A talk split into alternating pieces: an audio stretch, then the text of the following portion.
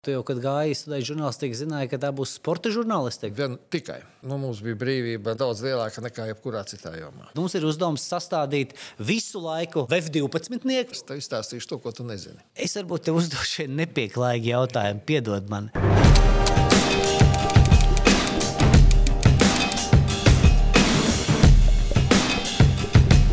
Esiet sveicināti VF 66. podkāstā. Mēs esam simboliski ar pagājušo podkāstu pārkāpuši skaita ziņā. VF jubilejas, kā sacīt, skaitli.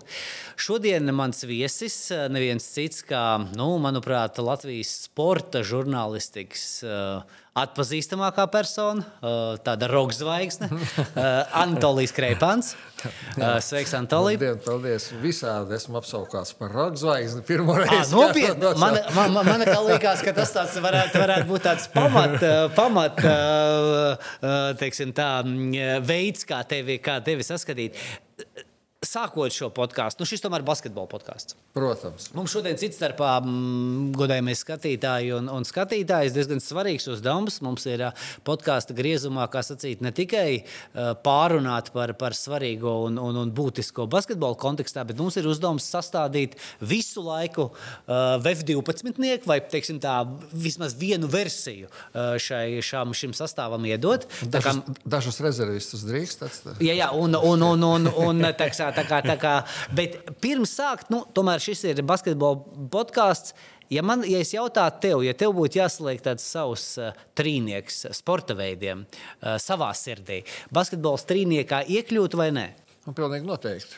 Jo es jau arī atceros diezgan e, ilgi, arī līdz 2000. gada sākumam, 2000. laikam, kāds otrais, trešais gads arī komentēju daudz basketbolu. Bet tad gluži vienkārši.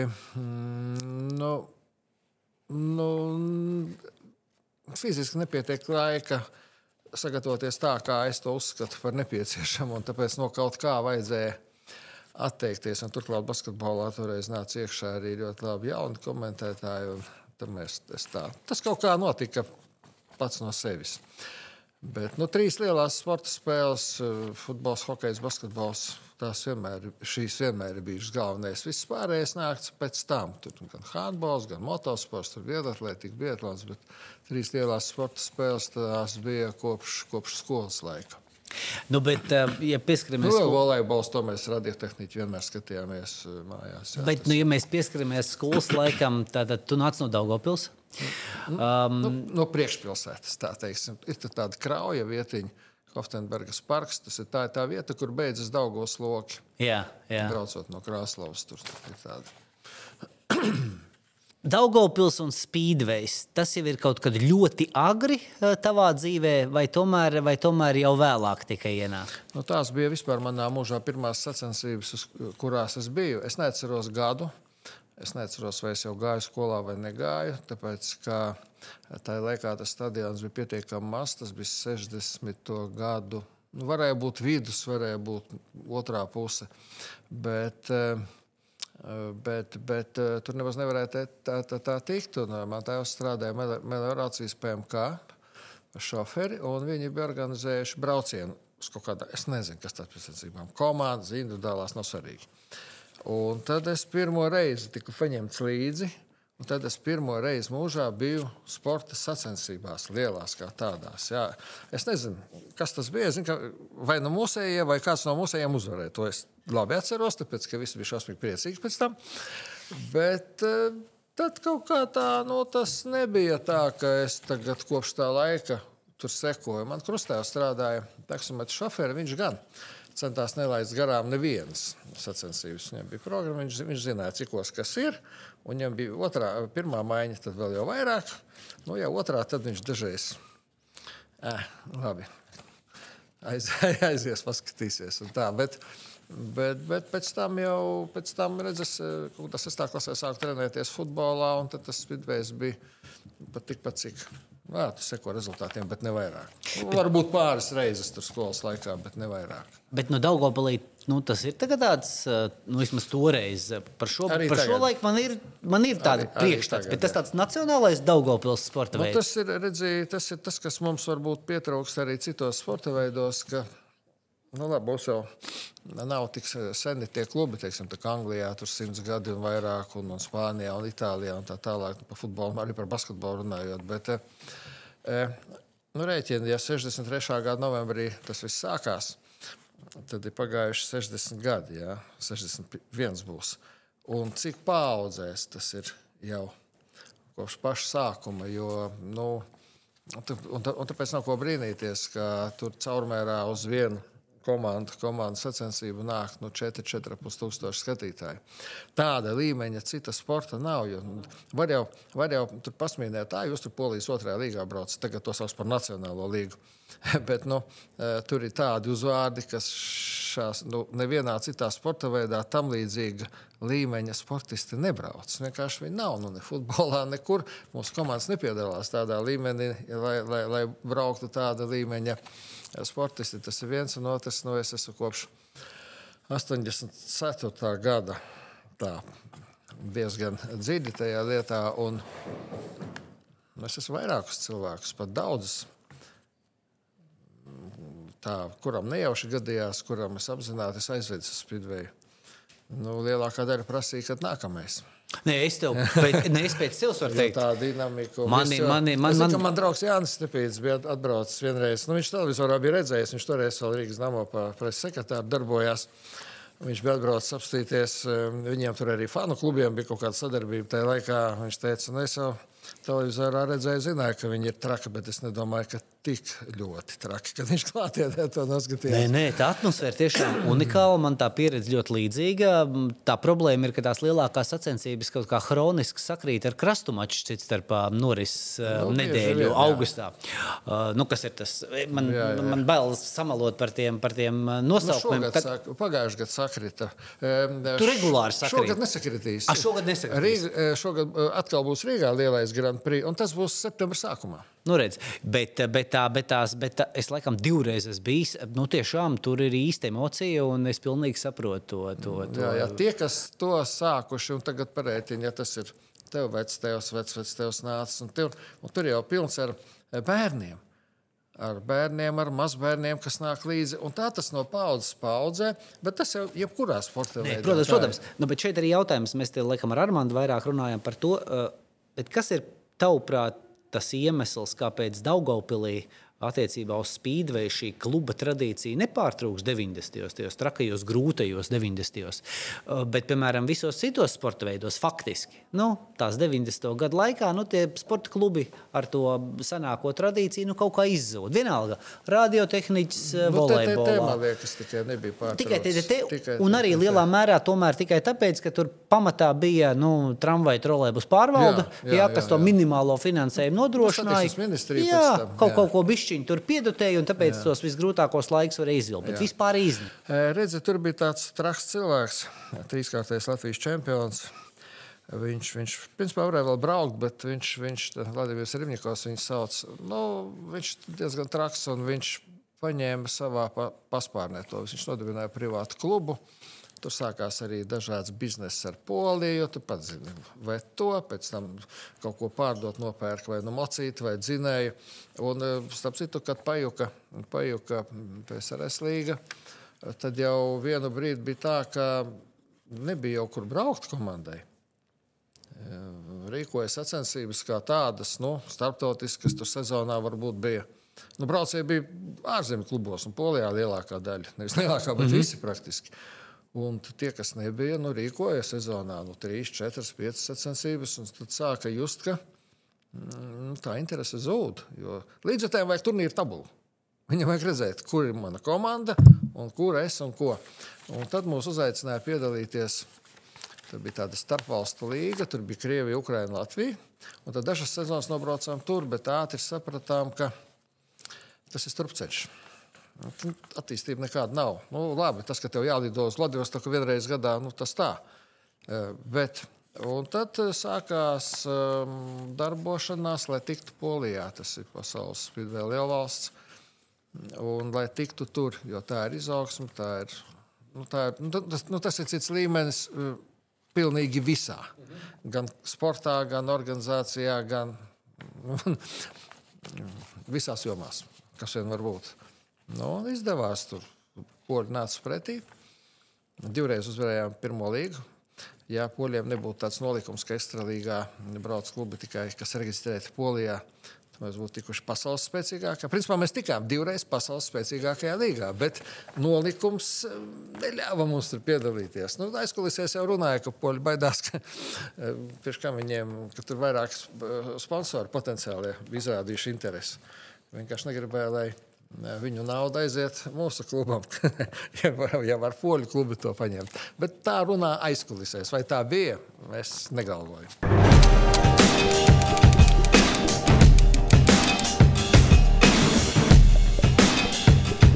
Hei, vai zināji, ka virsmu veikals tagad pašā Rīgas centrā? Ejam iekšā!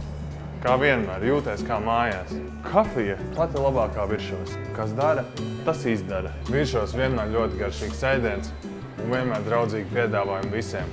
Uzņemiet savu enerģijas lādiņu tepat virsmas, lai jums pietiek jaudas gan atpūtai, gan treniņiem. Par tevi, eh, kā jau teici, tu sāc trenēt, trenēties futbolā. Jā, sastajā klasē. Es, es mācījos, bija tāda eh, Naujienas astoņgadīgā skola. Tagad tur ir novada muzejs. Un, eh, nu, mēs tā tajā laikā droši vien daudzās skolās bijām. Mēs paši zīmējām turnīru tabulas, starp klasēm spēlējām. Un, nu, tā kaut kāds jauns vīrietis pienāca, saka, nu, čēļi, moši kāds ir. Tālāk, kā pāris kilometri tālāk bija Krievijas skola, vidusskola, Vecpils. Es varbūt gribat futbolā trenēties, jo tajā skolā bija izveidota Ilūksas sporta skolas filiāle. Jo līdz Ilūkstai tomēr bija gabaliņš, kad 15, 16 km. Un, eh, nu, tas, pieņemsim, vienam no izlases spēlētājiem, Sašam Virisēvam, netraucēja. Viņš vienā tajā pašā ciematā dzīvoja, braukāt uz Ilūkstu, un vēlāk viņš arī līdz Latvijas izlasē izspēlējās. Nu, viņš krietni jaunāks bija, bet tomēr. Mm, un, eh, un tā mēs tur kādi sākumā varbūt 5, 6 čaļi divreiz, trīsreiz nedēļā. Tur ar autobusu bija jāpabrauc divas pieturas. Braukājām vakaros pēc stundām, nu, pēc stundām uz treniņu, pēc tam mājās. Nu, beigās, laikam, es no skolas paliku tur viens vai divi mēs palikām. Un tā pilnīgi visu skolas laika? Nu, līdz vidusskolai. Pēc tam es pārgāju uz Dārgopilu mācīties, uz pirmo vidusskolu. Tad jau to, protams, tad jau bija, nu, tad jau arī citas intereses. Tad jau bija jāsāk domāt, kaut kur 9. un 10. klasē, ko tu tālāk darīsi. Man par laimi neradās komplekss no tā, ka es sapratu, ka es droši vien nebūšu ne pasaules, ne olimpiskais čempions. Un futbolā diez vai spēlēšu tur, nezinu, tā laikā.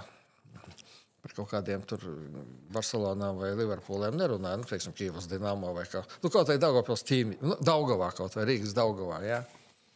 Bet, bet kaut gan vienu gadu paplašinātajā sarakstā es biju arī skolnieku Spartakēta PSRS, viens no, es nezinu, cik vārdsargiem. Nu, bet objektīvi tie, visi, tie, tie čari bija nu, labāki. Tur, kas, nu, tālāk par to sarakstu es netiku un objektīvi netiku. bet, nu, tad pēc tam es spēlēju tur. Treneris pārgāja, pirmais treneris mm, pārgāja uz uh, Daugopilī kaut kur strādāt. Es neatceros, ko viņš darīja. Viņš pats arī, viņš arī bija vācis, viņš arī nedaudz spēlēja.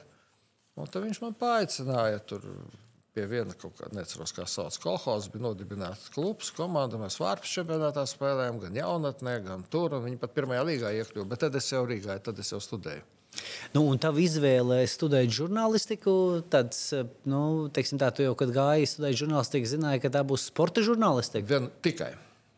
Es nepieļauju citu variantu. Kaut tam ir kaut kāds iemesls. Es, es vienmēr esmu domājis par to cilvēku, kur padomu laikā izvēlējās, nu, piemēram, sporta žurnālistiku, kas tomēr bija saistīts ar to, ka cenzūra faktiski tur bija, nu, teiksim, tā, ka, nu, ka ir jāraksta kaut nu, kāds. Žurnālistika kā tādā, jā. E, Redzēs, daudz mazāk. Sportā. Nu, tāpēc, ka tomēr sportā nu, tā brīvība, nu, rezultāts ir vai nav. Sportā varēja. Nu, mums bija brīvība daudz lielāka nekā jebkurā citā jomā. Nu, kā, nu, tikko teicu. Nu, ja tev ir, ja PSRS ieņem septīto vietu, tad viņš nerakstīs viņam pirmo vietu. Nu, mēs arī tur starp rindām dažreiz varējām atļauties daudz vairāk nekā citi. Jo es tomēr eh, sāku darboties padomju jaunatnē, un tur ļoti ilgi es biju. Tā bija tāda avīze, kas šad un tad tajā laikā nu, ja ne gluži pa nažu asmeni. Nu, atļāvās. Bet atļāvās Jā. vairāk nekā citi. Un, un, un tā laika redaktora, lai viņai viegli smilts, Monika Zīle, es domāju, bieži vien tika saukta uz no, pie nopietniem vīriem, uz kabinetiem un, un sabārta, ko jūs tur atļaujaties un tā tālāk. Bet, bet sportā to varēja. Tas bija daudz brīvāk un labāk. Es desmitajā klasē izdomāju, ka man to vajag, tas varētu būt. Un, nu, mēs teikt, e, nav ļaunuma bez, bez labuma. Es 9. 9. klasē savainoju diezgan smagi potīti. Protams, ka visa ziemas sezona čau. E, nākamā vasara pa pusē arī vairāk vai mazāk. Un man treneris teica, ka tu te braukā līdzi. Te, tev tur kaimiņš strādā, tur rajo, rajona avīzīte bija avangards. Tu uzraksti vismaz, ka mēs kaut kāds rezultāts, ka mēs spēlējam. Un latviešu valodas literatūras skolotāja draudzene arī strādāja tajā pašā redakcijā. Un tad es ar to skolotāju sarunāju, viņš saka, nu labi, nu pamēģini. Bet, eh, bet, bet tas izšķirošais bija intervija.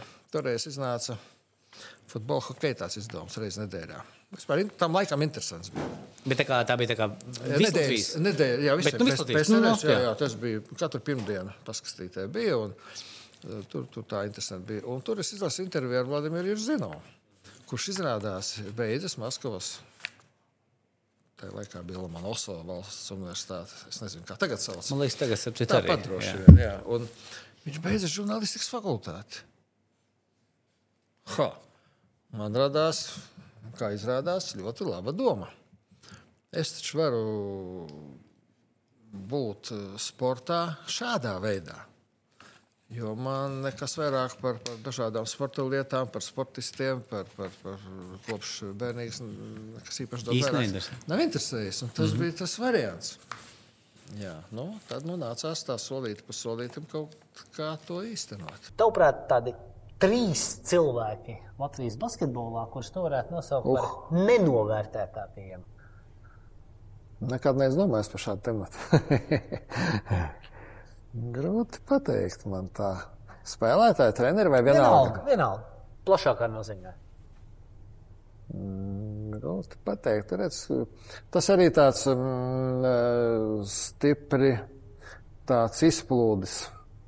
Vērtējums, ko nozīmē nenovērtēts. Nu, es teiktu Na- tā. nav dota iespēja. Nē, nav liela no- realizējis. Nē, es savādāk teiktu. Liela nozīme, kas, kurai ir bijušas nozīmīgas sekas, pozitīvas, bet īsti nav pamanīts un no, publiska, no publikas viedokļa, no sabiedrības viedokļa, nu, tā kā iedots tas novērtējums un tā nozīme ir piesprāta. Nu, man neskapēc pirmais Induls Možaiks nāk prātā, kurš ir kaut kā vispār, es pat nezinu, ko viņš tagad dara.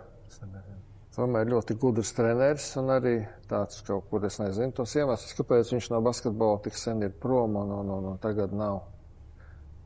Nu, ko es vēl varētu nosaukt? Nu, jā, Zeltiņš pietiekami Nu, jā. paveicis tik daudz, lai to dievs visiem jā. tik daudz paveikt. Tas pats Pēters Višņēvits varbūt netika nevis nenovērtēts, bet viņam vienmēr pietrūka Kaut kas kaut kā to pašu bonusu. Jā, nu. Nu, likās, tai Nu, vienā gadā, tai sērijā, nu, Viss nav trīs Viss viens, viens, jā, viss. Nekā. Šeit tev, jā. jā kaut kā, bet, bet, bet to nevar saukt par nenovērtētu, jo um, Pēteris ir, nu, viņš atstājis tik spilgtu iespēju, ka to vienmēr pieminēs viņu. Nu, nezinu, Ivo Kas vai Zona. Ivo Zonne? Nu, es nezinu, vai viņš nenovērtēts. Un tomēr barons. Nu, jā, savā ziņā kaut kur viņā kaut kur dažreiz arī ja, viņu satiekot vai tā kaut kur komunicējot, nu tā nedaudz tāds, nu, mm, nu viņā jūtams tāds, nu, kā lai saka, ne, nevis tāds tā kā pārmetumi, bet, bet tāds, nu, Nu, kaut kāda sāpīga ir viņam iekšā, ka kaut, ka, kaut, kaut, kaut kas kaut kā nebija tā līdz. Nu, Es saku, es saku viņu. no, no, no kā puses tas ir? Es nezinu, vai no basketbola savienības vadības puses vai no kā, bet kaut kā no jūt, ka viņš tā, nu, Es saku, viņu pieminēju, tāpēc, ka, manuprāt, tā, tā savā ziņā pat retais aizdomājas, ka tā desmitgade kurā viņš bija nozīmīgs faktors, īstenībā bija tik liels priekšnoteikums, lai vispār būtu konkurence, lai tur nebūtu tāda bezgaumīga viena kluba dominācija. Ja? Un, Nu, jā. Tur vēl sakrita ar to ASK periodu, jā, un tur jau bija tāds, nu, būsim godīgi, tāds viens periods, kad ir nevis divi. Bet ir trīs, un pat turpat tās jau turpat pat ceturtais. ceturtais mūsu personā, Vēstures personā. kas jā, jā, jā. Tas, man liekas, savā ziņā no klubu viedokļa bija viss, nu, nu katrā ziņā salīdzināms ar 90. gadu to sākumu. Jā, nu, galu galā Varāns uh, ieguva Eiropas kausu. Cits starpā. Kā ar mužnieku vadībā toreiz, jā, un tur var skatīties, ka jā, tas ir tur trešais pēc reitinga, paga, paga, paga, kauss ir kauss. Iegūstiet, ja reiz tas ir tikai trešais, ko te jūs neieguvāt. Jā, vai ne? Nē, nē, nē, to, to nevar, nevar nenovērtēt. Jā, un kaut kur, protams, te pieminējat, ka tu tā sezona, bet 90, kurš tas piektais, laikam, bija toreiz, kad 4. gadā no uh, Kanādas to grīdu atveda Jā, pilī jā, jā. no pasaules čempionāta, jā, uzlika, un nu, tās jau bija tās sezonas, nu, cik bija pilī skatītāji un spēlētāji. Nu, viss pūls viss mainās, protams. Toreiz jau arī uz ārzemēm tik daudz nebrauca, nebija tāda iespēja izbraukt, visur bija leģionāri ierobežojumi. Mm, bija pilnīgi cita situācija, un tāpēc objektīvi nav iespējams salīdzināt toreiz un tagad. Tagad um, šādi 15 gadu vecumā vai agrāk jau brauc Jā, jā, tiek uz faktiski. labām akadēmijām, un, un lai tik brauc, lai skolojas, lai mācās, un lai pēc tam Latvijas izlasē izcīnīja liels uzvaras. Nav nekāda problēma. Un šeit tie nākamie, kas nāk, lūdzu, jums atbrīvojas vieta, pierādiet sevi. Beidzat skolu, katru gadu beidz basketbola skolas, nu, es nezinu, cik daudz. Lūdzu, viss kārtas jūsu rokās. Nedaudz varbūt nobeidzot par, par, par, par žurnālistiku, un tad tu studēji Rīgā, un pirmā darba vieta, un pirmā darba vieta uzreiz jau ir padomu jaunatne. E, Nu, par darba vietu to uzreiz nedrīkst saukt, jo, jo nu, tomēr nu, tas students, nu, nu, principā tu, tu nezini neko. Kā tas notiek praksē un tā tālāk. Un skaidrs, ka es preses namā sākot no otrā kursa, tas nav labs piemērs studentiem droši vien pavadīja. Nu, mm, divas trešdaļas no laika nekā fakultātē. Jā, es zināju, uz kuriem priekšmetiem es noteikti tieši tā bija. Nu, speciālie priekšmeti, plus svešvaloda, plus, plus nu, vēl kaut kādu uz kaut, uz kaut ko, uz kaut kādām politekonomijām, marksismiem un pārējiem. Nu, piedodiet, nu neiešu uz tām, uz tām lekcijām. Kaut kā jau nokārtoju tās ieskaitas un, un, un, un eksāmenus. Kur nošpikoja, kur vēl kaut ko. jo gan mēs, gan lielākā daļa pasniedzēju ļoti labi zināja, ka tas ir, nu, tas ir ķeksītis patiesībā. Jā, bet, bet um, nu jā, vēl, vēl uz literatūrām, uz vēsturi es tur centos iet. Un tad jau tur jaunatnē man, man viens tāds nu, sapazināmies ar studenti, kas bija pēdējos kursos, kas jau strādāja. Un tad 79. gadā bija tautas partikāda Maskavā. Bet pēc pirmā kursa mums uz katra kursa bija jābrauc praksē. Un pēc pirmā obligāti bija jābrauc uz kādu rajona vai pilsētas avīzi. Centrālajās eh, avīzēs nevarēja palikt. Eh, Man viens paziņš strādāja Rīgas balsī. Piedodiet, tā ir pilsētas avīze. Pilsētas avīze. Jā. Jā. Jā. Tauts- Ietekmīgi, Jā, bet un pilsētas. Turklāt tautas partija, kāda mums vajag? Mums vajag vēl vienu cilvēku, lai tur tā un tā. Bet pēc tam jau viņš pārgāja uz padomu jaunatni, Jānis Motivāns viņu sauc. jā. un uh, es sāku rakstīt, es zinu, ka man pirmā lielā intervija bija, man liekas, 80. gada janvārī. Ar Vladimiru Golovko viņš toreiz bija kļuvis par divkārtēju junioru pasaules čempionu hokeja. Viņš bija PSRS junioru izlases kapteinis un spēlēja vienā maiņā ar Larionu un Krutovu. Bet eh, jūs jau tur vienbrīd bijāt beigās zvaigžņu komandā, nu, ja mēs par žurnālistiem Nu, runājam. jā, tur bija gan, gan, gan. Nu, ne, es esmu strādājis ar Ivaru Rošiņu un Guntikai savu kopā diezgan ilgi. Ot, Ivaru Rošiņu, pa VF viņš varētu pastāstīt. Oh, Viņa brīnišķīga grāmata. Jā, nu, tas protams. Un, un, un eh, tad Viestures Serdāns bija, manuprāt, viens no. Nu, viņš gan pagāja malā, pēc tam no, no sporta žurnālistikas, no žurnālistikas, bet tajā laikā, Bet, nu, nu, tajā laikā tomēr. noteikti viens no labākajiem sporta žurnālistiem Latvijā. Jā, Nu, un pēc tam jau arī Armāns Puķis. Jā, ja Bet kā, bet- Armāns Puķis, Eriks Strauss bija, mums Jānis Matulis, mums bija tur tāda Tas diezgan... gandrīz eh, Un ar, cita. un, jā, un ar mani pučam arī radās ideja, ka vajag pirmdienas sporta pielikumu jaunatnē. Tā bija ar mani ideja. Taisam pirmdien.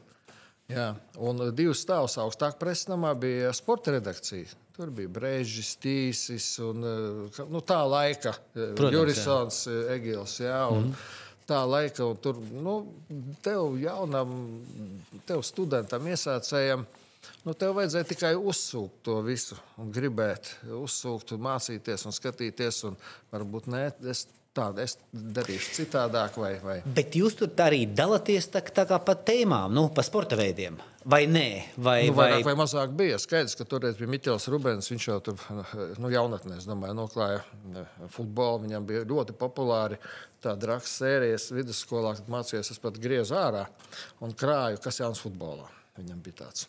Tad viņš par hokeju rakstīja. Un es zinu, ka viņam vienreiz pat nenopublicēja viņa rakstu, kad Balderi nepaņēma uz Sarajevu. 87. gadā uz Olimpiādu, kad kā nu, simtprocentīgi viņš sastāvā un pēkšņi programma laiks toreiz bija informatīva, un beigās tur saka, no nu, izlases sastāvs nosaukts un rāda titrus. Nav Balderis. Nu, beigās varbūt arī labi. Viņš bija uzrakstījis Rubens. Jā, ņemot vērā. Kaut kas tur Mm, vai nu redaktora nedaudz nobijās, bet nu, tur tā bija diezgan par mm, tām visām, kas saka. Aizkulisku spēlēm. Jā, jā, jā, jā. Saki, lūdzu, trīs pēc neatkarības atgūšanas, trīs nu, tādi visu laiku lielākie sporta notikumi, sasniegumi. Uh. Bet tikai trīs. Uh, uh, tur jau tā lieta, ka tikai trīs. Man jau šajās visās tam līdzīgās sarunās, un konkursos, un aptaujās un nominācijās visvairāk patīk tas, ka ir grūti izvēlēties. Un tas man visvairāk priecē. Tas bija tagad trīs zvaigžņu balvā, tas bija iepriekš, un tas ir tagad, kad man tagad visu laiku prasa, tad tur tikai trīs es drīkstu nosaukt, tur piecus, tur, tur divpadsmit. Tas ir ļoti labi, ka mums ir no kā izvēlēties. Bet lielākie notikumi, tas ir sākot no kura gada? No 92. No 91. Uh, boh, boh. Nu, mums bija tādas dažas spilgtas olimpiskās spēles, bija sudraba spēles Atēnās, kaut vai atcerēsimies. Mm -hmm. nu, tas pats Igor Vihro pirmā, pirmais zelts. Nē, nē, man ap trim nesanāks. Nu, skaidrs, ka aizvadītajā gadā hokeja basketbols, abas izlases. Tas ir, bet te, te pašā laikā nu, arī piektā vieta Eiropā toreiz, kad mēs nākamajiem čempioniem zaudējām. Nu, Nu, arī Dončiča dūlēs metiens gandrīz no centra. Ja? Bet, eh, kas vēl tāds, nu, futbola izlases iekļūšana Eiropas čempionāta fināla turnīrā, tas arī bija tāds bet ļoti šis, skaļš notikums. Bet šis nav savā ziņā vislielākais notikums. Vai futbola izlases futbola izlases 24. gadā, vai visneiespējamāk savā ziņā atkārtojamais, tavuprāt? Tas būtu precīzāk, viss vis, vis grūtāk atkārtojamais. Nu, līdz ar to. Jā, bet redzi, to tā grūti izmērīt. Jā, jo, protams, ka eh, toreiz pat eh, CNN ziņās paziņoja, ja es to nebūtu redzējis pats, es neticētu. Ka mm, sensācija, ka Latvija iekļūs čempionāta fināla turnīrā. No, no tā, tādā ziņā, jā, tādā, nu, varbūt mēroga ziņā. Jā, mēroga ziņā iespējams, jā. Iespējams, ka nu, viens no lielākajiem noteikti. Nu, trīniekā nu, šis ir jāliek.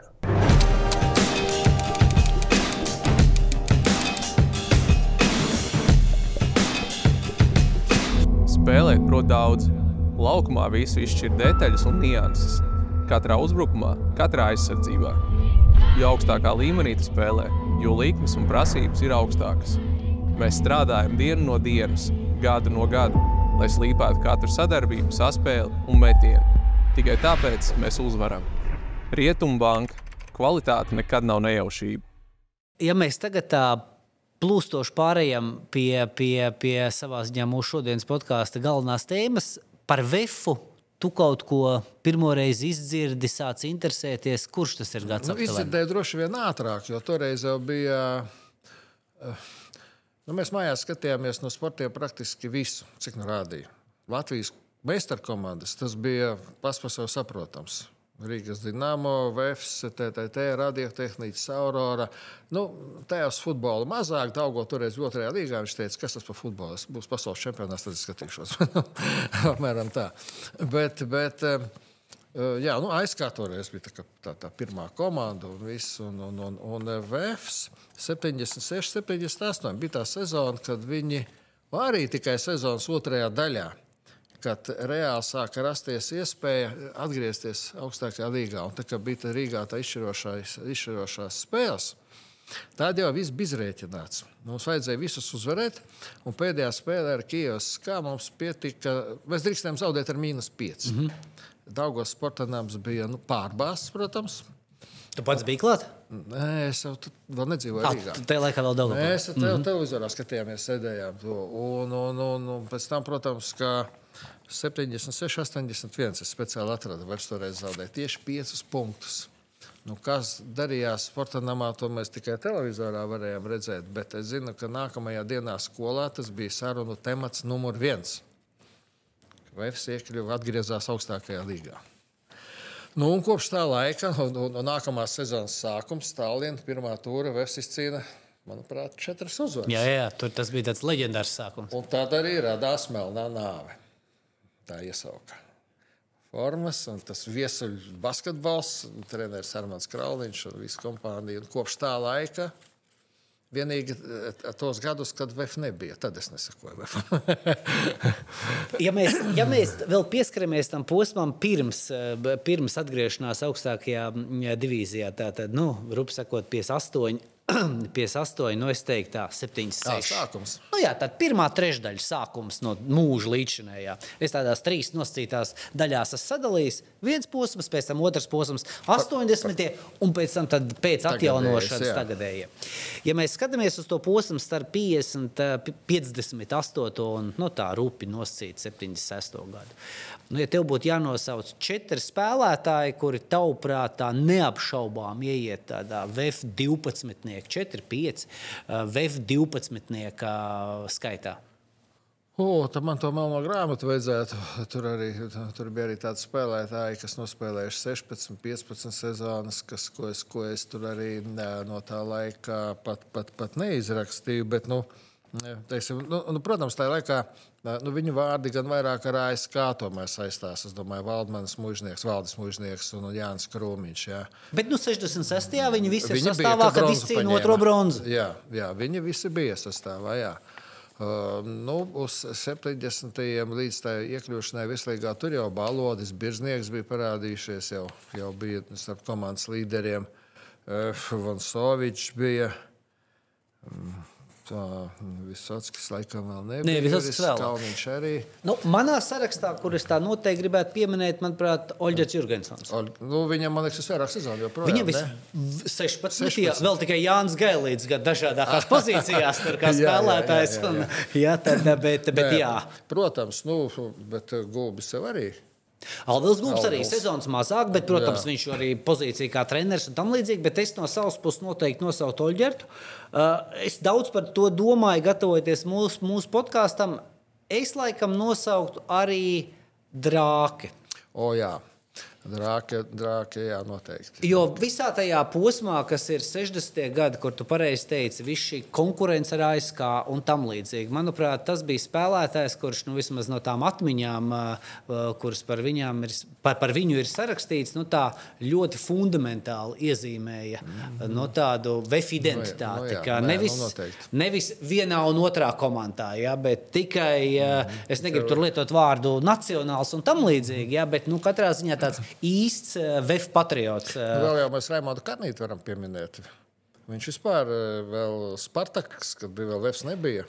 Jā, Kad, viņš eh, ir- viņš ir, ja nemaldos- Krauklis, kad izveid, viņš jau bija, man liekas, vai viņš bija pirmajā sastāvos, gan jau, ka bija. Rēmons Karnīts? Jā, jā. jā, Bija, jā, jā bija bija. noteikti. Bija, bija, bija. Un viņš arī gūsta pirmo bronzu, ja nemaldos, 60. gadā. Un, nu, viņš ir jau tāds uz to brīdi gan pieredzējis, gan tāds, nu, tāds zināms fundaments tam, tam tiem pirmajiem četriem gadiem, kur arī cits starpā tā konkurence ar ASK viņu ļoti izteikti, jo ASK toreiz jau vispār ir mīlis. Nu, kā ir Eiropas Trīskārtais un trīskārtais PSRS čempions un tam līdzīgi. Uh, ja, teiksim tā, kā ceturto, tu Ivaru Žvīguru uh, drīzāk minētu tajā savas viņa karjeras beigu posmā, nu, pie tiem 80. 80. sākuma, vai tomēr pie tiem nu, 60, 70 mīļu. Redziet, to laiku man grūti spriest. Es tā, tā, tā nopietni nepieredzēju. Kaut gan mums ar Ivaru ir bijušas ļoti garas un interesantas sarunas. Un, un, un kādreiz, kad sporta avīze vēl katru nedēļu iznāca, man bija ļoti liela intervija ar Ivaru arī par 72. gadu, kad viņš netika uz Münchenu, ka principā varēja tikt.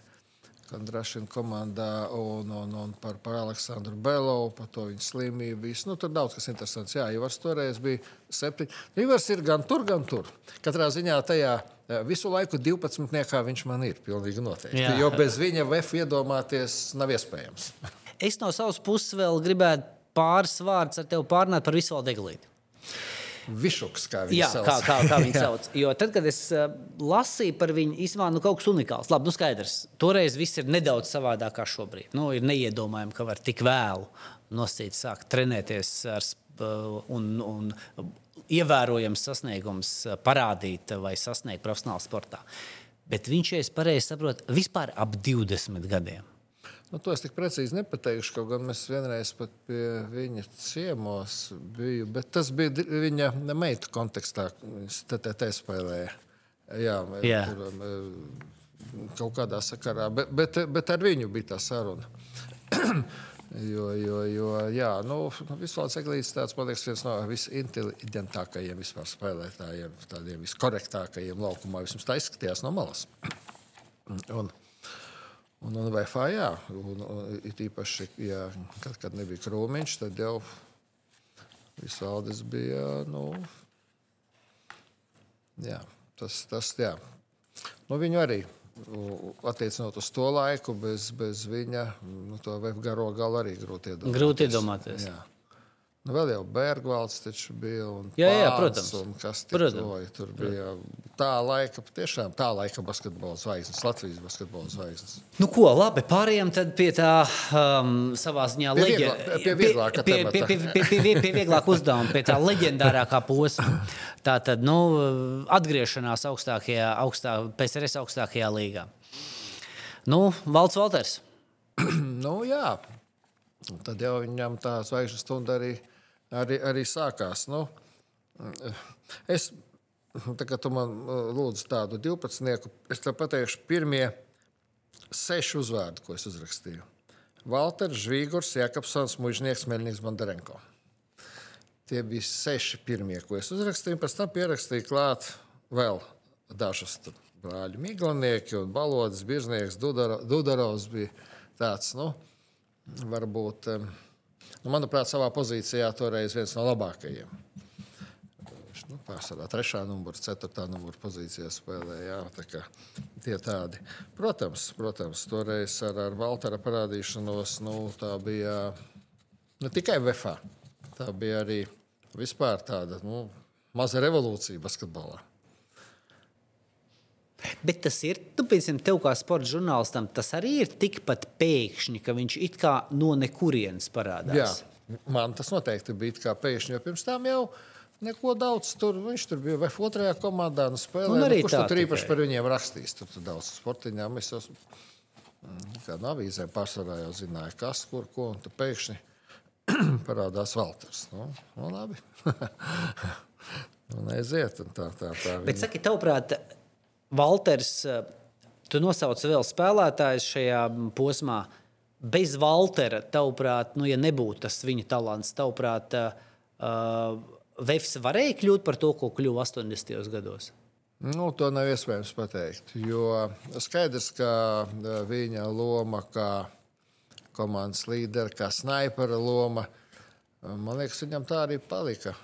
Eh, PSRS augstākās līgas rekords. Man liekas, neviens neuzlaboja to reizi Maskavas dīnāmo. Turklāt viņš nogāja piecām piezīmēm papildu laikā. Jā, bet, bet uh, iespējams, es negribu, to nevar pateikt. to, to nevar nomērīt, kā būtu, ja būtu. Nu, jā, kas tajā pozīcijā vēl varēja spēlēt? Grūti pat tādā līmenī neviens. Tas ir skaidrs. Un arī citādāka spēle, jo bez, bez Valtera mm, vai tā būtu tā spēle tik dinamiska un tik, tik attraktīva, nu es nezinu. Bet cik lielā mērā Valteram tajos pirmajos gados nozīmīgs ir tieši tās pāris ar žvīguru, tavuprāt? Nu, pāris ar žvīguru un pāris ar uh, džabaru, ar Jakobsonu. Tur jau kādas piespēles deva un džabaram atlika tikai skriet. Un... Slamdanks, likt un tā tālāk. Jā. Kaut gan viņš arī mācīja visu kaut ko citu. Gan apspēlēt, gan, gan pustālo iemest, gan, gan tā. Nā, nu jā, toreiz jau nebija trīspunktiņi. Nebija, nebija, jā. jā, tā kā, tā kā tas tā, nē, nē, nē Valtera lomu nav iespējams pārvērtēt. Tas ir, nu, galu galā, cik mums spēlētāji slavas zālē, nu, cik mums ir bijuši labākie spēlētāji Eiropā. Viens un tas pats, tas Viens, ir Valdis jā, Valters. Jā. Ne? Valdis Valters um, vēl kaut ko lielu basketbolā izdarījis? Nu, tas viņam jāprasa. Viņš Ja, nu, liekas? Viņš tagad, Viņš tāds superaktīvs ir. Viņš tagad jā, ļoti aktīvi ņemās. Un interesants viņam tās sarunas visādas. Ar viņas kaut kas. Viņš man arī dažas reizes bija uzaicinājis par tādiem vairāk vēsturiskiem notikumiem. Tur Maradonu un, un, un tur Brazīlijas izlases un vēl viss kaut kas. Vēl šis tas ir padomā, bet tu. Eh, nav, nav. eh, Man jau nav laika. Viņš jau gribētu varbūt vēl un vēl tur visu kaut ko. Bet, bet, eh, Nu, nezinu, viņš pārāk ilgi bijis, bijis tā kā, nu, pilnībā viņš nekad nav atgājis, bet, nu, nezinu. Es viņam pajautāšu, kas satikšu. Jā, Jautājums ļoti labs, jā. Katrā ziņā mm, nu, tādas personības, jebkurā sporta veidā tas ir. Tā mēs eh, futbola kontekstā runājam, ka mums tāda starp treneriem, mm, tas arī skatītājs piesaista tādu kolorītu, spilgtu personību. Pieturas atceries, basketbolā bija Valters, Krauliņš, Višņevits. Tad uh, Sidjakins bija vienu laiku, tad uh, Butāls. Nu, uh, Tāpēc. Ainārs Bagātskis, jā. Nu, treneris, tā ir viena aktiera izrāda šā vārda vislabākajā nozīmē. Un tas arī piesaista publiku.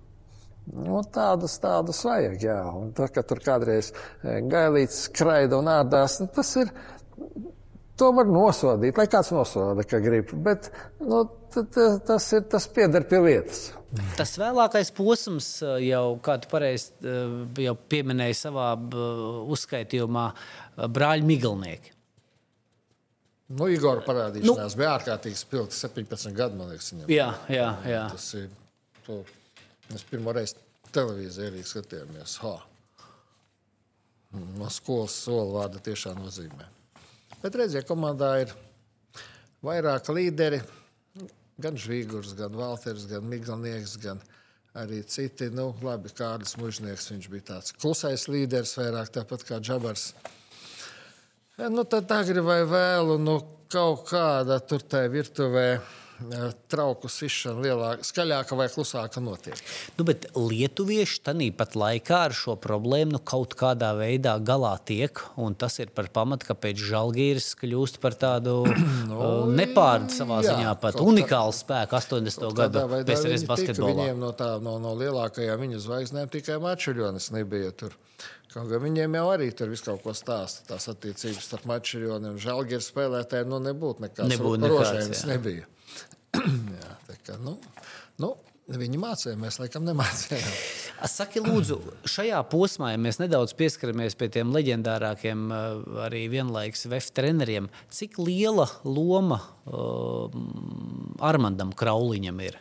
Lai nu, pirmām kārtām jau kaut kas jau liktu noticēt, ka atgriešanās ir iespējama to 70. gadu beigās, nu, un pēc tam arī, lai tas kodols tur veidotos un savā ziņā arī attīstītos. Nu, redz, Armāns bija pietiekami gudrs treneris, lai saprastu, ka mums jau toreiz lielākā problēma bija centri.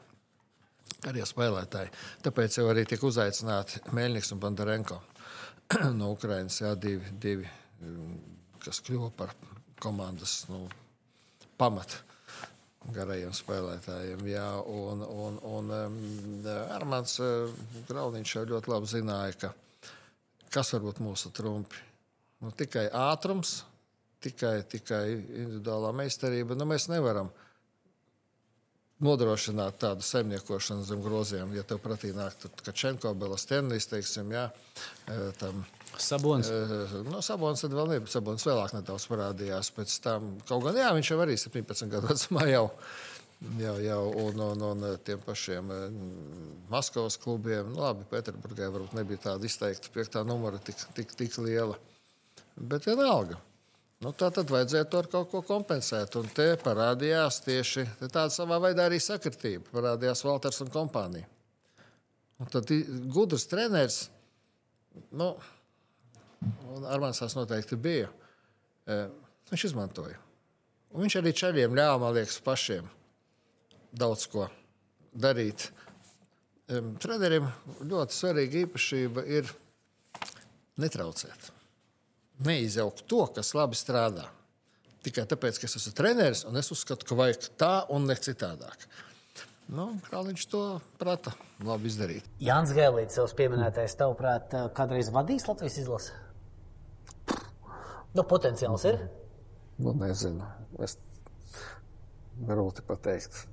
ja jau viņš tik ilgi BFā strādā, kāpēc ne? nu, viņš ir viens no treneriem izlasē. Viņš, viņam, manuprāt, kā trenerim tas ir, nu, viņš to arī nekad nav noliedzis. Milzīgs iegūms kopā ar banku darboties. Jebkuram arī Ogres komandas treneris to pašu teica. Un jebkuram Latvijas tas pats Visotskis Rubens, jā, mēs ar pavasarī tajā Verpakovska un Porziņa pasākumā, tajā basketbola šovā runājām. Viņš teica, tas ir, nu, Nu, tas ir jebkuram trenerim ir milzīgs iegūms. Tu, it, kā jau, it kā jau tu tāpat daudz ko zini, bet, tu, bet nu, nu, treneris tā ir tā profesija, kur Jānis to zina labāk par mums, ka tu nekad nevari zināt visu. Tā ir profesija, kur nav robežu pilnveidoties un mācīties. Es neesmu pagaidām ne saticis nevienu treneri, ne lasījis kādreiz vai dzirdējis, ka kāds treneris būtu pateicis, ka Es visu zinu, viss man vairs nekā jauna šajā lietā nav. Nu, ja tāds treneris ir, tad viņš nav treneris.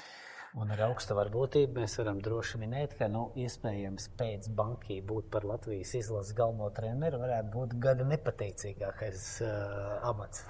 Pilnīgi noteikti. Pilnīgi noteikti jā.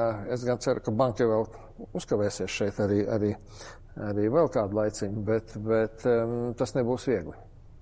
Tas nebūs viegli, jo neveltis Karjolo, kā viņš nosauc viņu par Itālijas nenovērtētāko treneri. Bet saki, šī te Bondarenko un Meļņika uzaicināšana nu jau tā ir kaut kāda arī tāda tēma eh, tobrīd sabiedrībā, jo vispār tas tā neierasti. Nu, toreiz jau tāda leģionāra kustība, sauksim to tādu, nu, tāda ļoti nosacīta. Tikai uz, nu, tikai uz CSK brauc leģionāri no visurienes, bet, bet visur citur jau tas ir tāds, nu, kaut kāds totāls izņēmums. Tā ir kaut kāda tēma līdzjutējos um, žurnālistu sabiedrībā. Zin, īpaši nē, īpaši nerunāja neko daudz, jo tas bija kaut kas pilnīgi jauns. Man liekas, viņi nebija vēl pagā karavājos vēl bija parādījies, ja, bet pēc tam tur jau vēlāk nāca. Bet, Viņi nebija paši pirmie, man liekas. Tur, es neatceros uzvārdu, tagad tur bija kāds cits spēlētājs, bet tas bija uz īsu laiku. Tur. Viņš man liekas aizkavējās pēc, arī pēc dienesta varbūt ASK. ASK varbūt, komandā. Un, jā. Nu, jā, jā, jā var, nu, iespējams, to es neatceros. Bet, uh, nē, jo arī, tas arī sabiedrībai tika attiecīgi paskaidrots. Ja mēs gribam uh, augstākajā līgā sekmīgi spēlēt, nu, mums vajag garos spēlētājus. Mums objektīvi tāda līmeņa savu pagaidām nav, bet pēc tam jau arī. Na, tas pats Ivars Liepiņš parādījās, un, un, un citi spēlētāji, kas varbūt teiksim, nu, nebija tik spilgti, bet arī ar milzīgu, milzīgu, milzīgu ieguldījumu. Tas pats Ivars Liepiņš gan aizsardzībā spēlējot, gan vispār. Tas bija nu, tas pats Jānis Laksa. Nu, labi, viņš nebija centrs, bet nu, tomēr. Jā, nu, jā tā laikā tas bija. Es neatceros kaut kādu tādu nu, negatīvismu pret to. Un, eh, es nezinu, Mēnesis toreiz jau bija precējies ar, ar Zentu, vai nebija ar, ar, ar, ar mūsu bijušo basketbolistu. Laikam bija jau. Kad atbraucu šeit, tad vēl vairāk tas tā tika uztverts. Pa pusē savējais. Pa pusē savējais, jā. Un, un Andrejs, viņš vispār ir viens no, man liekas, nu, diemžēl bija eh, draudzīgākajiem cilvēkiem, kādus es sportā pazinu. Jā, viņi tā ļoti labi šeit, šeit iekļāvās. Runājot par, par, par spēlētājiem, par visu laiku, 12, 15, 18. Nu, profesionālā sportā un kā mēs nokonstatējām ne tikai, ne tikai modernajā, jā, bet jau 80. un nu, 80. grūti iztikt bez leģionāriem. Nu, jā. Meļņiks un Bondarenko skaidrs. Tie, Nu, mēs viņus neuzskatām par leģionāriem. Nu, jā, bet, nu, teiksim tā. Jā. Gal- gal- gal- Līdzīgi kā žvīgurs starp paudzēm, jā, un abās, abās Jā. pusēs, jā, tad, tad, tad, tad šeit arī gan kā vietējie, gan kā nosīt nu, leģionāri. viņi abi bija arī izlasē spēlējuši. Nu, taisnība, jā. Galu galā, jā. Un, uh, un uh, jau ir jānosauc, nu, pieņemt, nezinu, trīs. Un Mēs skatāmies pēdējiem 16 gadiem, Vēfrīgas sastāvā trīs leģionāri. Būs ļoti- īpaši atzīmējumi. Būs ļoti grūti, tāpēc, ka Saraksts nav īsts. E, nē, es, es tieši tāpēc arī speciāli izdrukāju tādus, nu, kurus noteikti jāpiemina. Man sanāca deviņi. Nu, labi, no tiem deviņiem e, trīs es varu nosaukt uzreiz. Principā. Es uzskatu, ka Rolands tas ir. Nu, man liekas, vispār nu, viens no noteikti labākajiem leģionāriem, iespējams, ne tikai VFA. E, Tad noteikti Renfro. Nu, un man jau ļoti atmiņā Arčāns Parahovskis palika. Viņš tomēr ļoti, viņš tomēr dabūja MVP arī toreiz Baltijas līgā, man liekas, un, un tā tālāk. Nu, un tā pašā laikā tas pats Olmans, kas nu pat vēl te Jā, jā. spēlēja. Viņš šī sezona. Un Meksikānis Krus, tas man arī ļoti patika. Uh, Nu, un, un, un Kavaļauskas. Lūk, es, es tieši pa Kavaļausku. Nu, Kāda Kāpēc? internacionāla komanda? Bet sanāk? saki, kāpēc tur Renfro nevis Kavaļausku? Nezinu. Vēlākais, vēlākais, Varbūt tāpēc, ka vēlākie sasniegumi. varbūt arī. Jā, Jo varbūt arī. man, man ar Renfro tādas ļoti duāls sajūtas. Man liekas, ka viņš. Nu jā, starp šiem diviem tur vislielākā dilēma bija. Nu jā, jo viņš, nu, pēc tam super. Jā. Bet pie mums, un pie tam vēl tas zaudējums beigās Nu, mums jā, tik sāpīgs. Un, Ta- tas bija Bar- tas bija tā, ka mēs Baron- baronam Baronam zaudējām. zaudējām, Jā. jā. Tas bija tāds. Man savukārt Kaļaus, jo, jo Kavaļausks, es atceros toreiz Butauts viņu atrod, ja nemaldos, Itālijas otrajā līgā, un mūsu internetā visi izsmēja. Ka, nu, apmēram tālāk jau vairs nav kur krist. Jā, un, Nu Kā un, nav? Itālijā ir trešā. Trešā līnija, jā. Bet vislabākais stāsts, klausies, viņš nospēlēja pie mums to sezonu. Sezonu izcili. Un kas pēc tās sezonas? Pēc pirmās 12. gada Olimpiāda. Jā, viņš- spēlēja Olimpiāde Londonā. Un es atceros, toreiz pienāk, pienāk mēs viesnīcā satiekamies ar, nu, tur, tā skaitā sab, sabons. Un kaut kāda saruna, un tur kaut kā tā Lietuvai tā kā negāja tie olimpiādē. Tur bija visu laiku tā- tādas problēmas. Un, tas, un es saku, nu vismaz mēs esam jums vienu normālu spēlētāju sagatavojuši. Un atceros, kā šodien viņš pīpē cigāru un saka, nu tālu jau no patiesības nav. Tas tā jau joks, protams, bet, bet man tā ļaus liekas, nu tas bija tāds supers, un pēc tam jau viņam brīnišķīgs sezons. Pie, pie mums bija arī divas pilnas sezonas, un tā otrā bija tā, kur uh, Bilbao un vispārējais. Viņš arī kaut kādu titulu dabūja tajā gadā, man liekas. Kaut ko viņš dabūja. Kaut ko, jā. Un, nu, pēc tam viņam lielisks, lielisks sezons, tā skaitā Žalgērija un tam līdzīgi. Jā, jā. Nē, nē, tur tas saraksts ļoti internacionāls un tur var sastādīt, bet nu, tie man kaut kā tā vairāk, vairāk tā palikuši tie, ko es te pieminēju. Nu, arī tas pats tagad Piņēro, kas jums spēlē, arī ļoti interesants spēlētājs. Ir tāds spēlētāji, kā viņš, kā tas pats Kruso, tas otrs meksikāns jums bija. Nu, viņi ir, viņi ienes tajā komandā un visā līgā līdz ar to tādu, nu, kolorītu, tādu jaunas krāsas. Nu, tas ir kaut kas citādāks. Nu, publikai, publikai tādi spēlētāji nepieciešami. Nu, līdzīgi kā mēs vēl, man liekas, jebkurš, kas sekoja basketbolam 90. gados, atcerās Timons un Fergusonu. To, nu, Tas liekas, ir, tas liekas, nu, Jā. Un tad vēl bija tas maziņais eh, Rīgas laikā. Viņš pēc tam, man liekas, Phoenixā vai kur viņš parādījās. Saspēles vadītājs, neceros.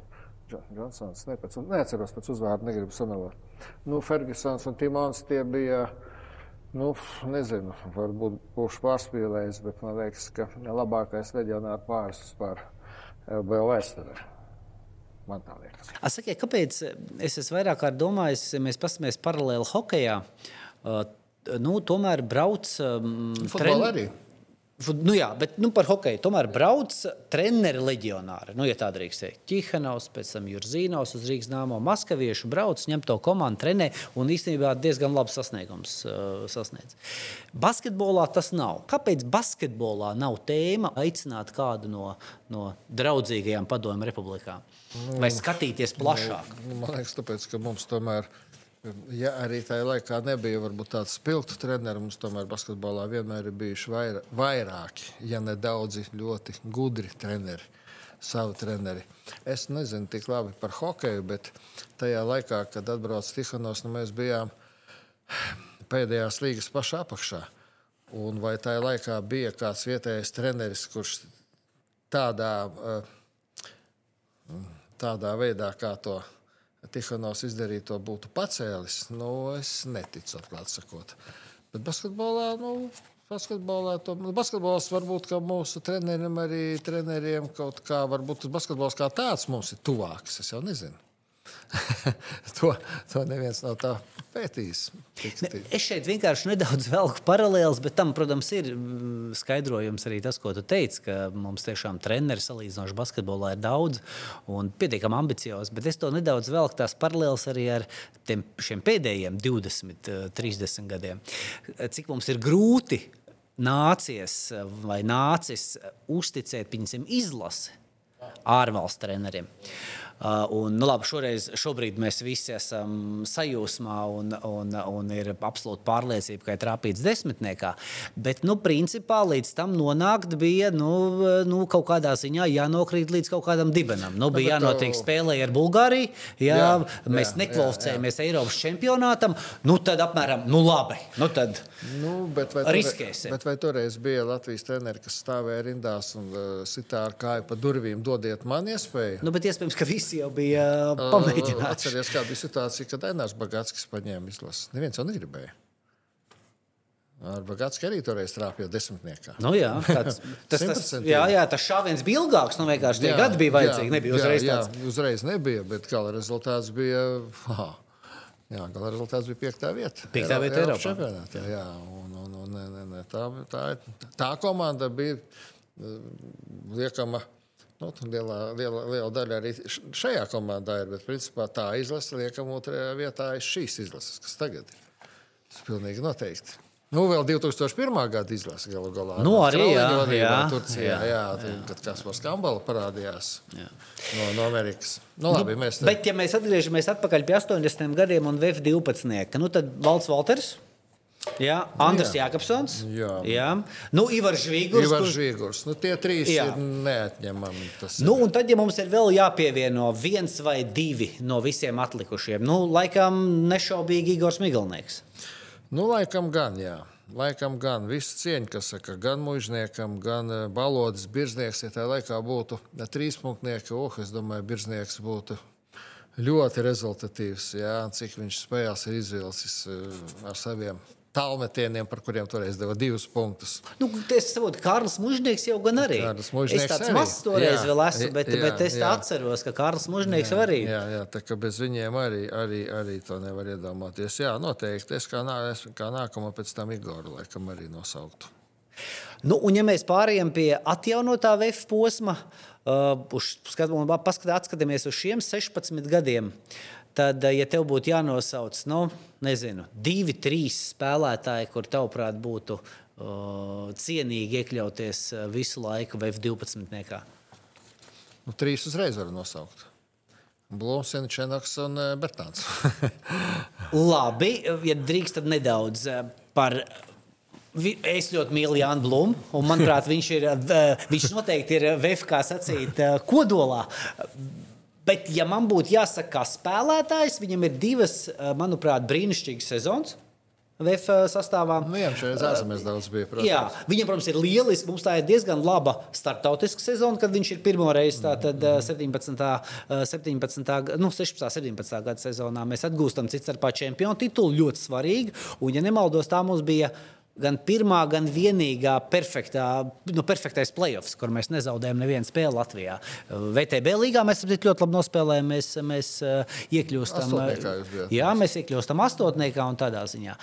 Jā, tad, bet, nu, protams, Kristaps, Janičēnoks un Dairis Bertāns, manuprāt, Tur mums domas pilnībā sakrīt, jo, nu, manuprāt, tas galvenais rādītājs viņa gadījumā ir tas, ka tā ir tā 12. un 13. gada sezona. Uh, tā, tā, o, tur, ir, nu, tur ir jā. trīs, trīs nu, lieli. Jā. Trīs lieli svarīgi notikumi. Tātad uh, uh Ulebkaus uh, mēs esam top 16 un tikai pēdējā, pēdējā spēlē Bilbao uh, neklausējāmies tālākam posmam, un cits starpā tādā sezonā Bilbao, ja nemaldos, spēlē finālā. Uh. Finālā palika otrie gan, bet un zaudēja lokomotīvai. Es neatceros. Man liekas, ka viņi zaudēja Krasnodarai, jā, jā. Krasnodarai kuru mēs spēļu summā, man liekas. jā, un kuru mēs tajā sezonā bijām uzvarējuši VTB ietvaros. Jā, mums ļoti laba sezona VTB ietvaros. Mēs esam, uh, tur bija cits formāts, un nebija astotnieks. Nu, protams, mēs izcīnījām Latvijas čempionu titulu. Un abi šie spēlētāji ir. Līdz ar to man ar to blūmu ir tā, ka es, man, nu, teiksim, tā, es viņu tik ļoti mīlu un, un, un gribu redzēt, bet varbūt kaut kādā ziņā līdz galam neredzu.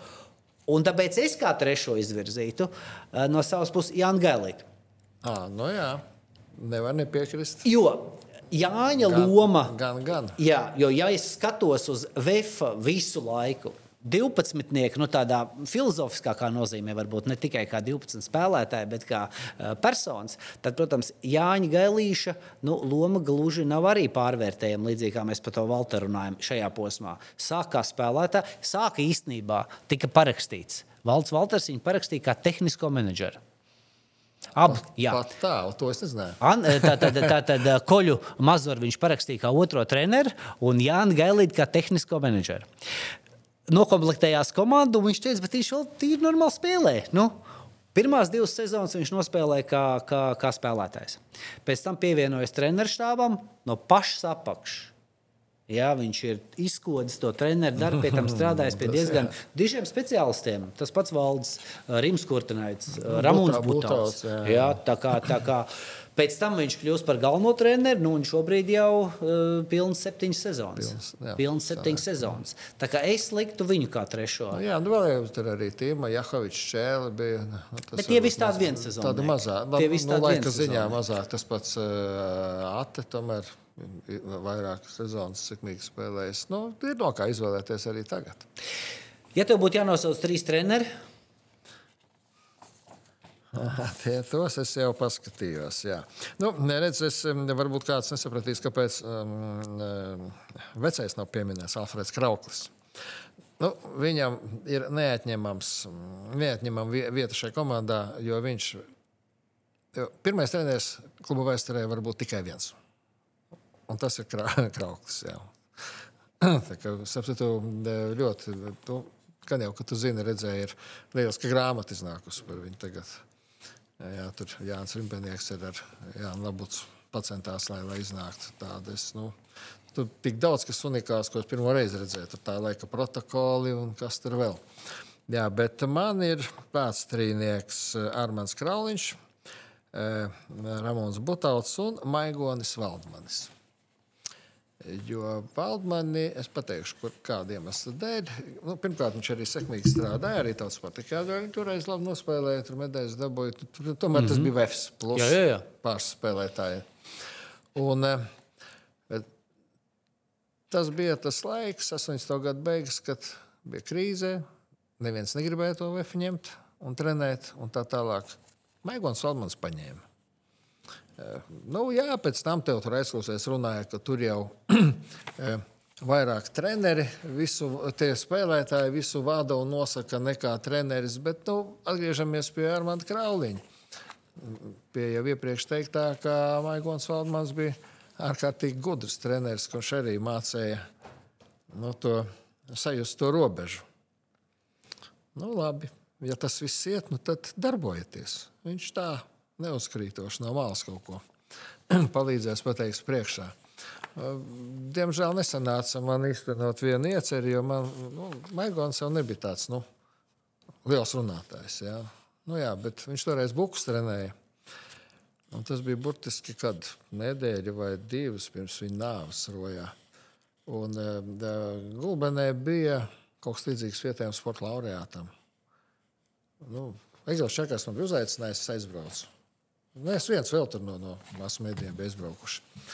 Mēs pie, ar Valdmanu pie viena galdiņa trāpījāmies sēdēt. Un tā viņš sāka stāstīt visādas eh, atgadījumus, visādas interesantas notikumus no, no izlases laika, no Austrālijā, ka viņi bija arī, izla- arī izlases toreiz Olimpijādē. Gan vēl, gan vēl. Un mēs beidzot sarunājāmies, tad klausies. Nu, tā kā apsēžamies beidzot, tas, tas, tas taču nekur nav rakstīts nekad. Nu, labi. Tu man tik atgādini. Nu, diemžēl notika tā, kā notika. Jā. Paga, un, uh, viņš taču ir arī treneris, kad uh, VF uh, to pēdējo bronzu. Uh, pēc no galvas. čempionātā. À, jā, jā, jā, jā. Protams, viņš bija treneris. Toreiz Kalevs uzvarēja. Kalevs ir pēdējais PSRS čempions, un jā. mēs paņēmām bronzu. Bet tai bronzai toreiz Latvijas mēs, sabiedrība... mēs pusfinālā CSK laikam zaudējām tikai. Vai? Nu, jā, nu, toreiz Vēbs bija.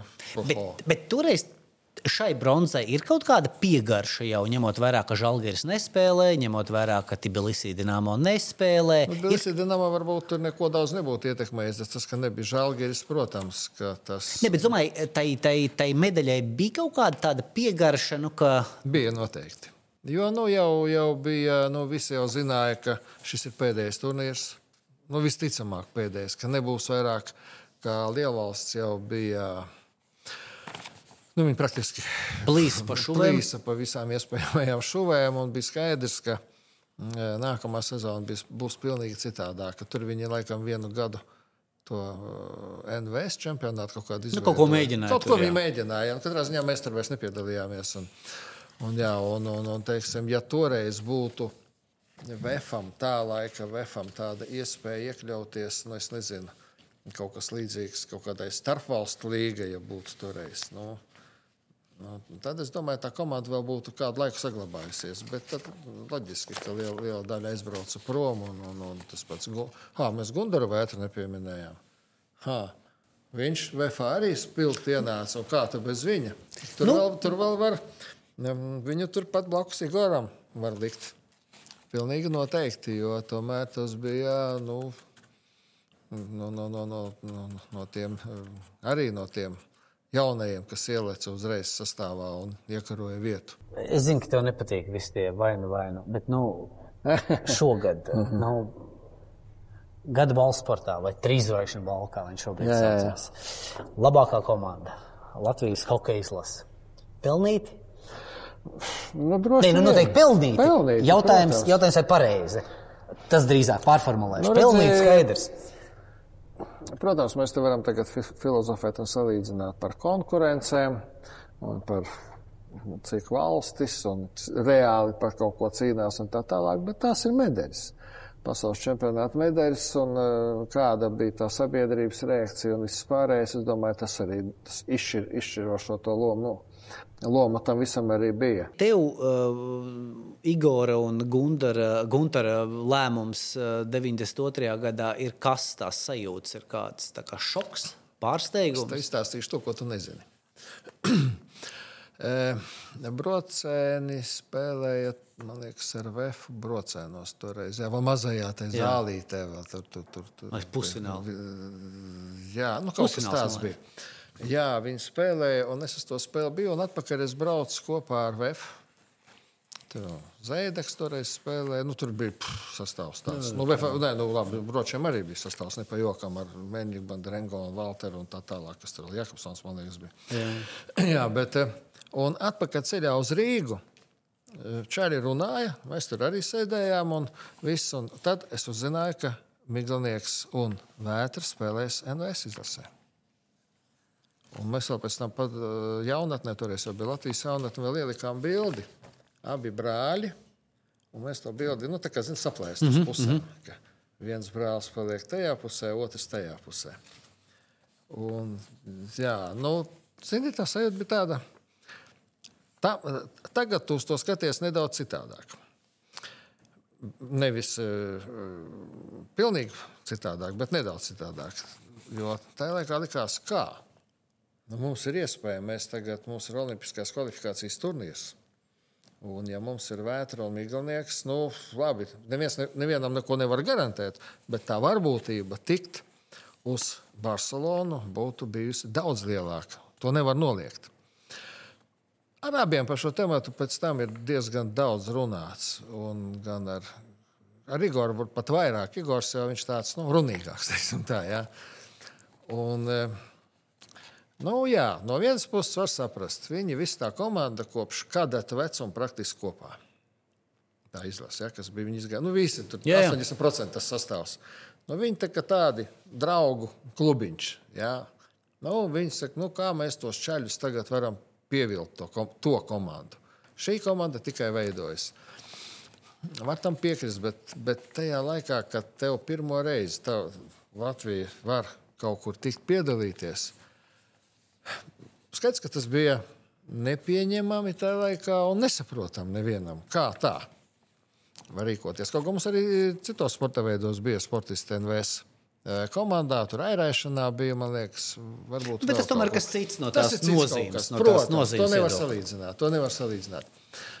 Bet um, tā pašā laikā Igors, Igors kad viņš pirms kaut kāda laika viņš nesen bija atvērts un parādīja, saka, bet mēs jau pārstāvējām Latviju tajā komandā. Saku, Kā? Viņš atveda savu akreditāciju. Ah, nu jā, NVS tur jau bija arī Latvija. viņa draudzīgās Tur- valsts, kā sacīt. Tur bija jā. Latvija rakstīts, un Neatkarīgās valsts. Jā, un viņi tajā NVS izlasē nebūtu varējuši spēlēt, ja Latvija nebūtu atļāvusi. Nu, par šo tēmu neviens neskapēc nerunā. Starp citu, interesanti. Ja Visā kas- kontekstā ar ja šodienas kas- jautājumiem par Jā. boikotu, Un tā neboikotu, tur. Krievijas sportisti Ja dalību. nebūtu atļau, atļauši, viņi nedrīkstētu spēlēt. Nu, to, nu, ne, es nezinu, kam jautāt, kur var to noskaidrot un vai vajag.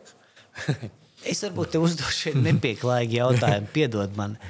Es vienkārši atceros sevi.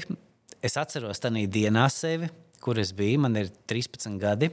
Mēs esam laukos, visi ģimene. Nu, jā, Olimpijāda, vasara. Mēs esam Nu, jā, jā. laukos. Mēs visi vienkārši vājprātā esam par lietuviešiem.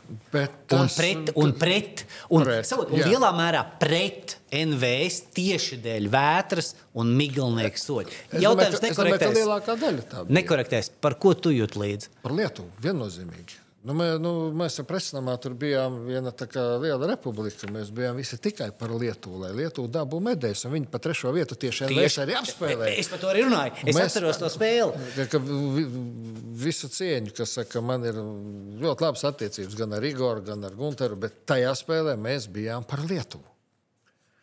Es jau vienkārši atceros tās savas emocijas. Mēs visi ģimene, tu, tas ir, nu, man jāsaka, godīgi, ir tikai vēl pāris spēles uh, manas dzīves laikā. Tu biji par. Lietuvu. Nē, nē, nē, kur es tik ļoti esmu jū, nu, tā jutis līdz sportam. Ir. Neslēpšu, un neliekuļoši ir, bet nu, tās, nav, tās nav desmitos. Tās varbūt ir kāds desmit. Vienkārši tā emocija bija toreiz tik. Un man, man, un tas nebija tikai tā, ka lai ierieptu diviem spēlētājiem, kur tā kā nodeva. Tas bija arī, ka var, ka var viena neliela Jā, nu, valsts, viena neliela izlase. Nu, tā kā, nu, bija, tā bija tā sajūta par, nu, jā, par tādu Baltijas uh, Jā. cīņu pret, E, pret Padomju Savienību. Šeit var vilkt nedaudz paralēlās uh, ar Žalgiru un CSK dueļiem. Un tos es atkal redzu, neatceros. Vlada es vadībā. pamazu un, un, eh, man laimējās ar Vladu Garastu satikties un ļoti ilgi par, par to tematu. Viņš tik daudz ko interesantu izstāstīja, ka viņi Maskavā uzvarēja un Lietuvā jau tauta meitas bija sagatavotas un viss pārējais, un viņas zaudēja tajā pirmajā reizē. Un tā tālāk, un tad viņš pēc tam aizliedza. Nākamajā reizē nekāda tautamēta. Uzvarēsim, tad, lai nāk tautamētas. un Tā, tā. Nu, labi, tas tā.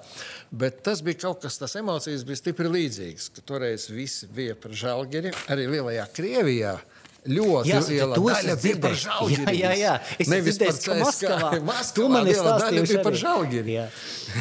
jā. jā, tas bija kaut kas līdzīgs. Un šeit, nu, kāda bija reakcija tur, es nezinu. Tas arī neinteresē īpaši, bet, bet, bet eh, es domāju, ka te bija, bija pilnīgi noteikti. Jā, protams, ka mm, mēs nekad nezināsim, kā būtu bijis. Jo mums jau tā kvalifikācijā, es tagad no galvas neatceros, mēs piektie vai ceturtie palikām. Jā, Tur bet- trīs aizgāja tālāk. Jā, jā, no bet tur grupas. galīgi nekas nebija. ne- Tur bija vairāk nekā nebija kas- nekas neiespējams. Precīzi. Precīzi. Mēs Tā, no- tā, tā, tas, tas nebija no fantastikas Nē, žanra. nē, tas nebija no fantastikas, pilnīgi noteikti. Nu, ko lai saka, simboliski, bet, bet, bet šovasar kaut kādā ziņā mums ir iespēja to sapni beidzot piedzīvot. Kvalifikācija, Nu, ceru- kvalifikācija arī jāsaka, ceru, galīgi Anatolija nekas neiespējams, maigi izsakoties. Ne, nav nekas neiespējams, ir pat nu, diezgan. Nu, nu, ir tāds ir stipri līdzīga. Nu, šoreiz arī nebūs uh, spēlētāju, kur aizies spēlēt citā komandā. Jā, vienīgi es ceru, ka Startautiskā olimpiskā komiteja neizdomās atkal kaut kādus brīnumus ar Bahu priekšgalā. Un, un, un, jo Nu, tas, protams, ir atsevišķs temats, bet es jau te vienreiz teicu, ka kādreiz antīkos laikos, kad bija antīkās olimpiskās spēles, tika pārtraukti visi kari. Tagad, protams, kā Olimpiskā komiteja aicina Olimpiskajās spēlēs piedalīties sportistus no valsts, kas iebruka citā valstī un karo. Aktīvi karo. Aktīvi karo. Tas ir. Nu. Bet, ja mēs pavisam īsi pieskaramies šim, tavuprāt, kas tas ir vairāk? Eh, vairāk tā ir tiešām kaut kāda nu, kas ir tāds populārākais uh, priekšstats vai uzskats, nu, ka tā ir milzīga naudas vara, uh, nu, un tad tur dancina uh, Startautiskās Olimpiskās komitejas vadība. Vai tomēr vairāk tā ir tāda nu, varbūt, lai man atvaino, bet tāda bišķiņa atrautība no reālās dzīves, sporta jomas cilvēku dzīvošana, bišķiņa tādā savā burbulī un, un vienkārši konteksta netveršana. Es nezinu, apzināti vai neapzināti, ja? bet, bet, bet tā vairāk ir nu, nedaudz tāda, par ko bieži vien runā Armāns Puķis, ja tāda nedaudz nu, kaut kādā no mērā kroplība intelektuāli, ja? ka tu tur vairs nespēji saskatīt kas tiešām dzīvē ir svarīgs un kas tiešām dzīvē ir vērtības. Ja? Bet nu, tur runā kategorijā šī sportista vecums kontekstā ar šīm spēlēm, vai viņš varēs vai viņš nevarēs parādīt uh, labāko sniegumu. Nu, viena daļa noteikti ir arī tādi, ko man pieminēja, pilnīgi noteikti. E, viena daļa dzīvo kaut kādā savā pasaulē, un viņi tur tā. Jo e, sporta centrs bija ļoti labi nodruk, nopublicējuši to sastāvu. Tā valde, kas tur balsoja, ka tiem neitrāliem ļaut. Nu, tur bija lielākā daļa no Afrikas valstīm. Viņus īpaši uztrauc, kas tur notiek. Es domāju, viņi par to pat neinteresējas. Un viņi patiešām ir atrauti no tās realitātes. Tie, kas Eiropā, nu, par tiem par dažiem var pabrīnīties, pirmkārt jau par Bahu.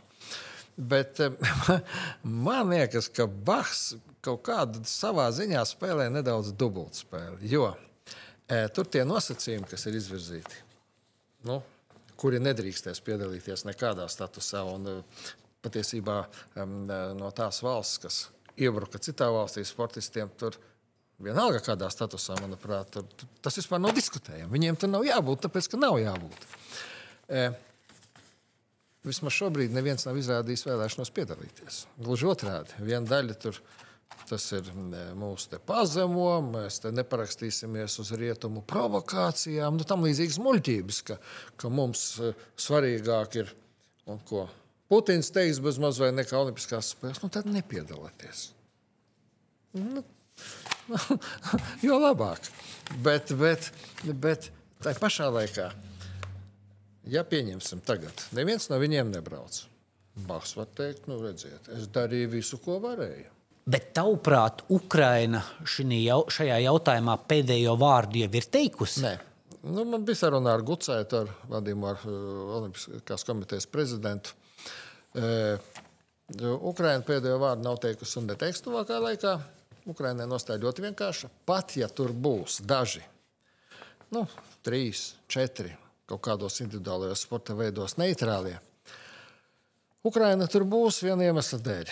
Lai visa pasaule zina, ka Ukraiņa bija, ir un būs. Un tur būs Ukraiņas karoks, Ukraiņas sportisti un Ukraiņai būs medaļas. Vai tos kāds pamanīs? Nu, viņš teica, es šaubos. Tā pašā laikā mēs jau nezinām, kāda būs situācija aprīlī, maijā, jūnijā. Jebkurā gadījumā aploksnīta ar lapiņu boikots nav izmesta. Nav. Ukraiņa nav nekādu galīgo lēmumu pieņēmusi, arī to, ka mēs tur, jā, uz šo brīdi, ja būtu jāsaka, jā, mēs brauksim ar lielu, stipru komandu. Viņiem arī futbola izlase tikusi. Un mēs visai pasaulē kārtībā reizi atgādināsim par Ukrajinu.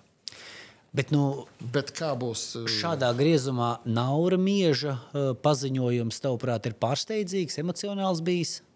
Nu, pirmkārt, tas ir vīrišķīgs paziņojums, manuprāt. Mm, nešaubīgi. Es, es cienu gan viņa, gan Lasmaņa, gan, gan, gan uh, Čavara paziņojumu, visu cieņu ceļiem. Viņi atklāti pasaka savu nostāju. Kādas mums ir tiesības viņiem kaut ko nezinu, pār, kritizēt? Pat. Tā ir viņu nostāja. Galu galā, ja viņi, viņi tā uzskata, viņi uzskata, ka tā ir viņu pārliecība, nu, tad viņi ir tiesīgi tā rīkoties. Pilnīgi, pilnīgi visu cieņu viņiem par to. Pēdējais jautājums. Latvijas basketbola izlase, tā jau būtu totalizatorā jāliek kvalificēsies?